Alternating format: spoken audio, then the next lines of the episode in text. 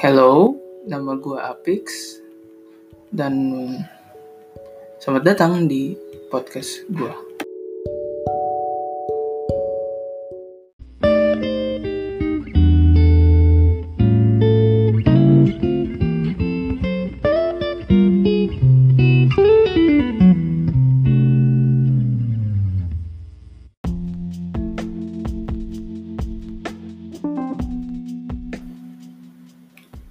Ya kalau untuk pertama ini mungkin gue cuman pengen memperkenalkan diri gue.